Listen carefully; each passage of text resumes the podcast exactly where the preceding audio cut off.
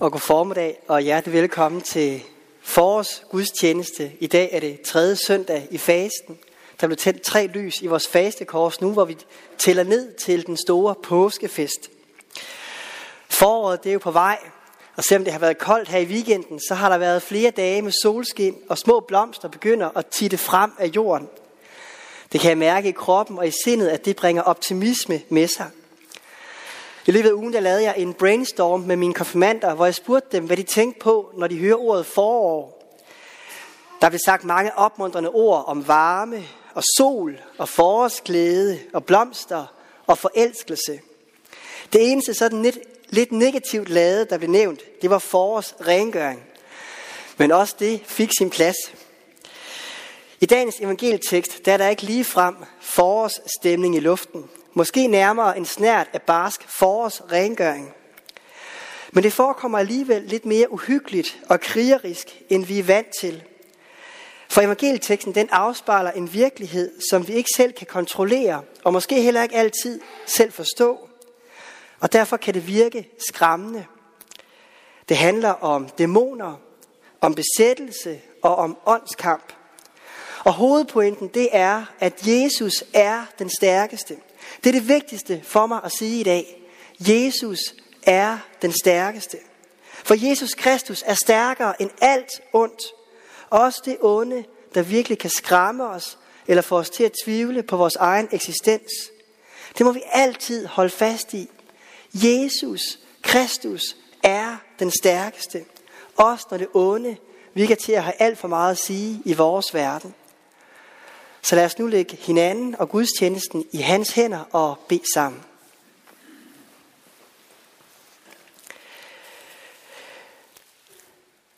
Herre Jesus Kristus, vi vil lægge vores liv i dine hænder. Herre, tak, at du er den stærkeste. Og vi bekender dig som frelser og Herre, når onde åndsmagter skræmmer os, eller gør os fortvivlede, eller bange, så beder vi, Herre, at du vil være nær med trøst, med opmundring, med omsorg, og mind os om, at du altid er stærkere og lad os finde tryghed i at lytte til dit ord, og at du ved din hellige ånd i dåben har taget bolig i os hver eneste dag. I Jesu navn. Amen. Og så må jeg gerne rejse jer og høre evangelieteksten, der står i Lukas evangeliet kapitel 11. En gang var Jesus ved at uddrive en dæmon, som var stum. Da dæmonen var faret ud, begyndte den stumme at tale, og folkeskarne undrede sig. Men nogle af dem sagde, det er ved dæmonernes fyrste, Beelzebul, at han uddriver dæmonerne. Andre ville sætte ham på prøve og krævede et tegn fra himlen af ham. Men da Jesus kendte deres tanker, sagde han til dem, et hvert rige i splid med sig selv lægges øde, og hus falder over hus. Hvis nu også Satan er kommet i splid med sig selv, hvordan kan hans rige så bestå? I siger jo, at jeg uddriver dæmonerne ved Beelzebul. Men hvis jeg driver dæmonerne ud ved Beelzebul, ved hvem uddriver jeres egne folk dem så? Derfor skal de være jeres dommere. Men hvis det er ved Guds finger, at jeg driver dæmonerne ud, så er Guds rige jo kommet til jer. Når en stærk mand, fuldt bevæbnet, vogter sin gård, kan hans egen dele være i fred. Men kommer der en, der er stærkere og overvinder ham, tager han straks alle de våben, som den anden havde sat sin lid til og fordeler byttet. Den, der ikke er med mig, er imod mig, og den, der ikke samler med mig, spreder. Når den urene ånd er drevet ud af et menneske, flakker den om i øde egne og søger hvile, men uden at finde den. Så siger den, jeg vil vende tilbage til mit hus, som jeg er drevet ud af, og når den kommer, finder den det fejet og brydet. Så går den ud og tager syv andre ånder med, værre end den selv, og de kommer og flytter ind der. og det sidste bliver værre for det menneske end det første. Mens han sagde det, var der en kvinde i skaren, der råbte, Saligt er det moderliv, som bar dig, og de bryster, du digede. Men han svarede, Ja vidst, salige er de, som hører Guds ord og bevare det. Amen. Jeg har skrevet fire punkter på skærmen, som er min disposition for prædiken til i dag. Og det første spørgsmål, som jeg tror, vi skal forholde os til, når vi arbejder med bibelteksten til i dag, det er, findes der overhovedet en åndelig virkelighed, som vi ikke kan se? Findes der dæmoner, og kan folk blive besat? Mit udgangspunkt det er, at når Bibelen fortæller åbent om åndskamp og besættelse, så tror jeg fuldt og fast på, at det er sandt. Jeg tror, der findes en åndelig virkelighed, som vi ikke kan se. Jeg tror, der findes dæmoner, og at folk kan blive besat, også selvom vi skriver Danmark 2021. Derfor taler jeg også altid aktivt med på trosbekendelsen, når vi forsager djævlen og alle hans gerninger og alt hans væsen. Fordi det indebærer en afstandtagen til det onde, en afstandtagen til onde kræfter og til onde åndsmagter. For det ønsker vi ikke skal fylde i vores liv. Men samtidig så er det også vigtigt for mig at stå ved, at jeg helt instinktivt kan mærke en indre skepsis over for al den tale om åndelig virkelighed. Først og fremmest fordi det bare er så fremmed for det, som mange af os normalt beskæftiger os med i dagligdagen. Åndskamp er et emne, som de fleste danskere erfarer bevidst meget sjældent. Og derfor er der mange, som helt naturligt stiller spørgsmålstegn ved, om der vidderligt findes åndskamp og dæmonbesættelse, eller det hele kan forklares med psykologiske og psykiatriske årsager. Det skal heller ikke være nogen hemmelighed, at der igennem kirkens historie er adskillige tragiske eksempler på, at troen på den åndelige virkelighed er blevet misbrugt til manipulation eller overgreb.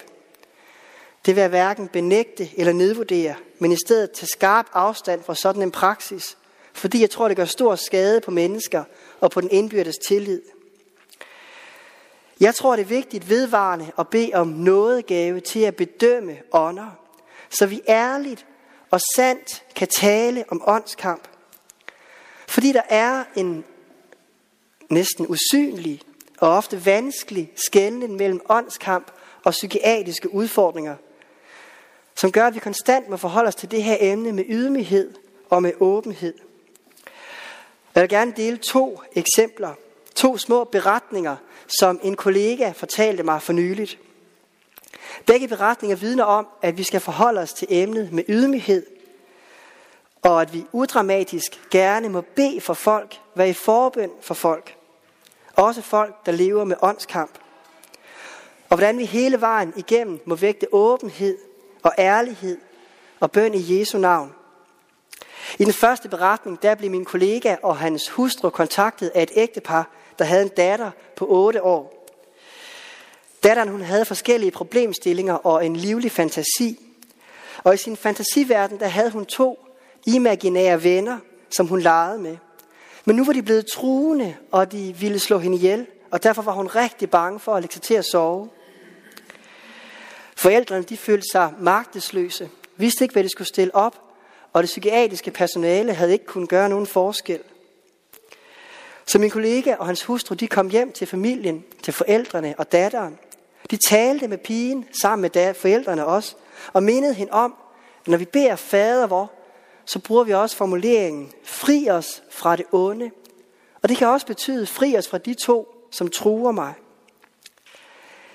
Kort efter så bad de fader vores sammen, og efter de havde bedt den sætning, fri os fra det onde, så holdt de en pause, og pigen fik lov til selv at sige, at de to imaginære venner skulle forlade hende, og hun aldrig mere ville se dem. Så bad de fader var færdig, lavede korsets tegn, og til sidst lyste de velsignelsen. Forældrene var med hele vejen igennem. Det foregik roligt og uden dramatik. Og siden er de to venner forsvundet, og pigen hun sover trygt om natten og har gjort det i flere år. Sådan en beretning kan gøre mig både glad men faktisk også lidt skræmt. Den gør mig skræmt, fordi jeg synes, det er uhyggeligt, at der er kræfter, som vi ikke udenbart kan kontrollere og kan forstå.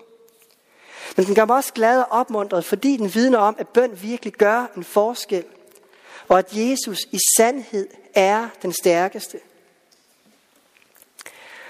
Den anden beretning handler om en person, der var hårdt ramt af en hashpsykose. Personen han mente selv, at han var blevet besat, så derfor så besøgte han en mand fra kirken og ville gerne have, at han skulle bede for ham. Manden fra kirken talte med ham og stillede åbne spørgsmål, og de bad sammen. Men til sidst så sagde han til ham, jeg tror ikke, at du er besat. Jeg tror, du er syg og skal søge behandling. Den beretning vidner for mig også om en sund, ydmyg indstilling til de her problemstillinger. At vi aldrig må tvinge noget ned over folk, og at vores forbøn hele vejen igennem også må have en åbenhed og et samarbejde med det sundhedsfaglige personale. I evangelieteksten der lægger jeg mærke til, at Jesus han benytter nogle ret krigeriske ord og nogle voldsomme billeder. Han taler for eksempel om våben og om at vogte sin gård. På den baggrund så kan man spørge sig selv, hvor meget åndskamp der egentlig foregår sådan om ørerne på os, uden at vi lægger mærke til det. Det er jo i sagens natur svært at svare entydigt på, men jeg vil gerne bruge spørgsmålet til at udfolde to pointer. Det er de to streger på skærmen. Det første er, at Jesu egen sprogbrug, det viser, at han vidderligt kæmper for os og for hele menneskeheden.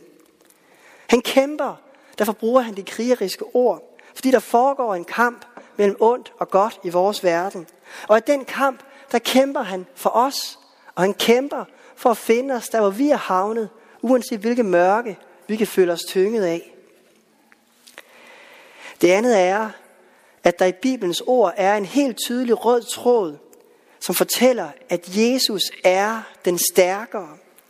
Indirekte så giver Jesus faktisk den titel til sig selv også i evangelieteksten til i dag. I sin korte lignelse, der siger han, når en stærk mand, fuldt bevæbnet, vogter sin gård, kan hans ejendele være i fred. Men kommer der en, der er stærkere og overvinder ham, tager han straks alle de våben, som den anden havde sat sin lid til, og fordeler byttet. Jesus er den stærkere, der overvinder det onde. Han er de stærkeste hænder, den stærkeste kraft og den stærkeste kærlighed. Men når Jesus siger det på den måde, med en stærk og en stærkere, så ligger der også en implicit tilkendegivelse af, at djævlen og det onde er stærkt. Jesus beskriver det jo selv i sin lignelse. Han beskriver en stærk mand, der er fuldt bevæbnet. Fordi det er en tung erkendelse i kampen i den her verden, at det onde virkelig har meget magt og har meget indflydelse og mange våben. Og vi kender, at det medfører en enorm smerte, når den her ondskab kommer til udtryk i for eksempel tab, eller i svigt, eller i sygdom, eller mindre værd. Det er en tung erfaring. Og den smukke salme, som Kai Munk har lavet, du ved det nok mit hjerte, der sætter han ord på den her tunge erfaring i ondskabens magt. Det kommer på skærmen. Du ved det nok, mit hjerte. Du ved, at Gud er stor. Men stor er også hans fjende, så tit du det er for erfaret. Og næste vers. Ved land, så får du kæmpe og tro trods fald og brud. At stor er vel Guds fjende, men større er dog Gud. For når erfaringen af ondskab og smerte den er tung, så kan det blive til kampe både i hjertet og til fortvivlelse. For Guds fjende er stor, og der sker meget skade i verden, som jeg er overbevist om, at Gud han også selv begræder. Ligesom vi så, at Gud græd ved Lazarus' grav, da Jesus kom og så, at hans gode ven var død. Men samtidig må vi holde fast i, at Gud er større, at Gud er stærkere. Og det løfte, Jesus giver til os i dagens evangelietekst, at han er stærkere, at han har overvundet dødens magt. Det skal på ingen måde lyde som en nedvurdering eller som en afvisning af de tunge erfaringer, som vi hver især kan sidde med. For der er vidderligt meget ondt på spil, og der er stærke kræfter i verden. Jesu tale i evangelieteksten, den slutter på en måde lidt uforløst. Fordi det er tydeligt, at der stadig er en magtkamp, der stadig er en åndskamp i verden. Det afviser Jesus slet ikke selv. Derfor slutter han i stedet af med at give en formaning. Han siger nemlig, at vi skal lytte til Guds ord og bevare det. Det er jo en god formaning, men måske det også kan virke lidt ukonkret, hvordan vi skal bruge det i dagligdagen. Så jeg vil gerne slutte med en kort fortælling til at udfolde betydningen af at kunne lytte til Guds ord og bevare det, også når ondskaben føles truende og tæt på. Det handler om en mand, som ved et voldsomt jordskæld blev fanget under en masse murbrokker. Det var fugtigt, det var koldt, og det var bælragende mørkt. Han havde slået sig, men han kunne godt bevæge sig en lille smule under murbrokkerne. Han skubbede og forsøgte at mase dem væk, men intet hjalp det. Og instinktivt kunne han mærke, at der ikke var andet at gøre, end at han måtte råbe og larme så meget han kunne, i håb om, at der måske var nogen, der kunne høre ham og kunne redde ham. Så gik de første timer. Langsomt blev han mere og mere febrilsk og desperat. I begyndelsen der var han bare bange og chokeret, men nu blev han efterhånden rystende desperat. Kulden tog til, og han skælvede. Og som timerne blev flere og flere, så mistede han langsomt håbet og kræfterne. Til sidst kunne han ikke andet end med jævne mellemrum at skrige og råbe efter hjælp. Men snart ville det uundgåelige ske, tænkte han, at han ville dø under murbrokkerne. Men pludselig hørte han en svag lyd. Han hørte, at nogen sagde, vi har hørt dig. Vi har hørt dig, og vi kommer for at redde dig. Og de ord forandrede hele situationen. For han troede på de ord, og de gav ham håb.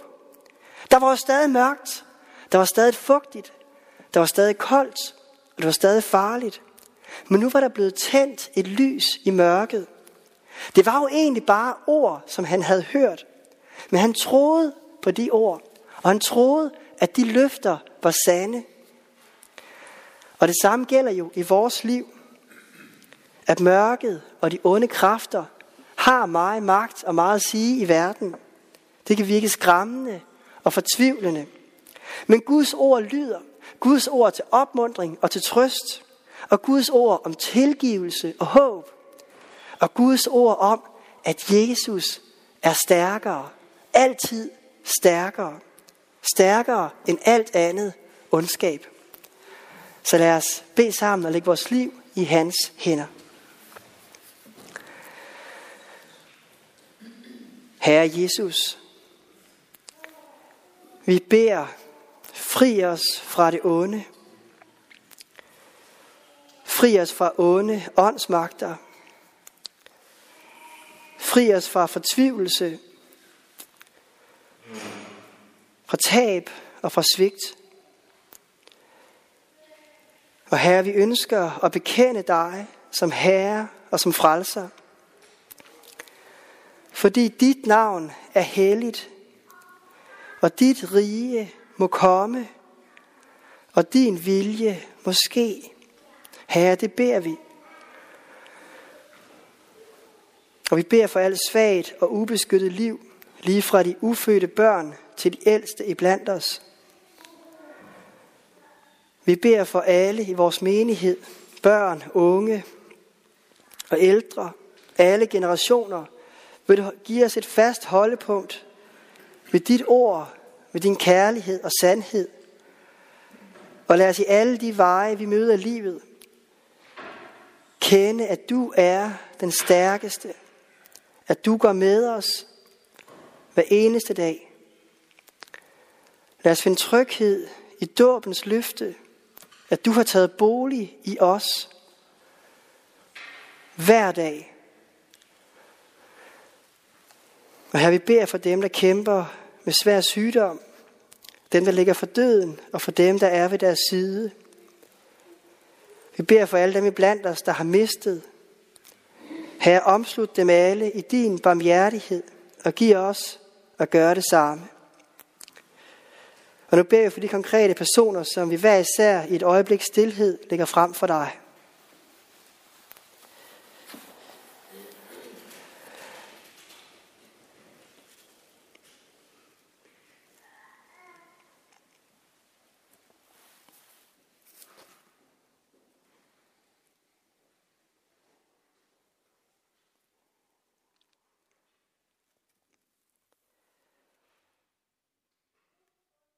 Bevar os alle i troen på din søn, Jesus Kristus, så vi må opleve den evige glæde sammen med dig, når du nyskaber himmel og jord. Og indtil den dag, så beder vi, led os frelser ved din nåde, også når vi selv vil råde og vil gå vores egen vej. Sæt os, hvor vi bedst kan gavne, men lad os aldrig savne vidshed, at vi tjener dig. Fader vor, du som er i himlene, hellige blive dit navn, komme dit rige. Ske din vilje som i himlen, således også på jorden. Giv os i dag vores daglige brød, og forlad os vores skyld, som også vi forlader vores skyldnere. Led os ikke ind i fristelse, men fri os fra det onde, for dit er riget og magten og æren i evighed. Amen.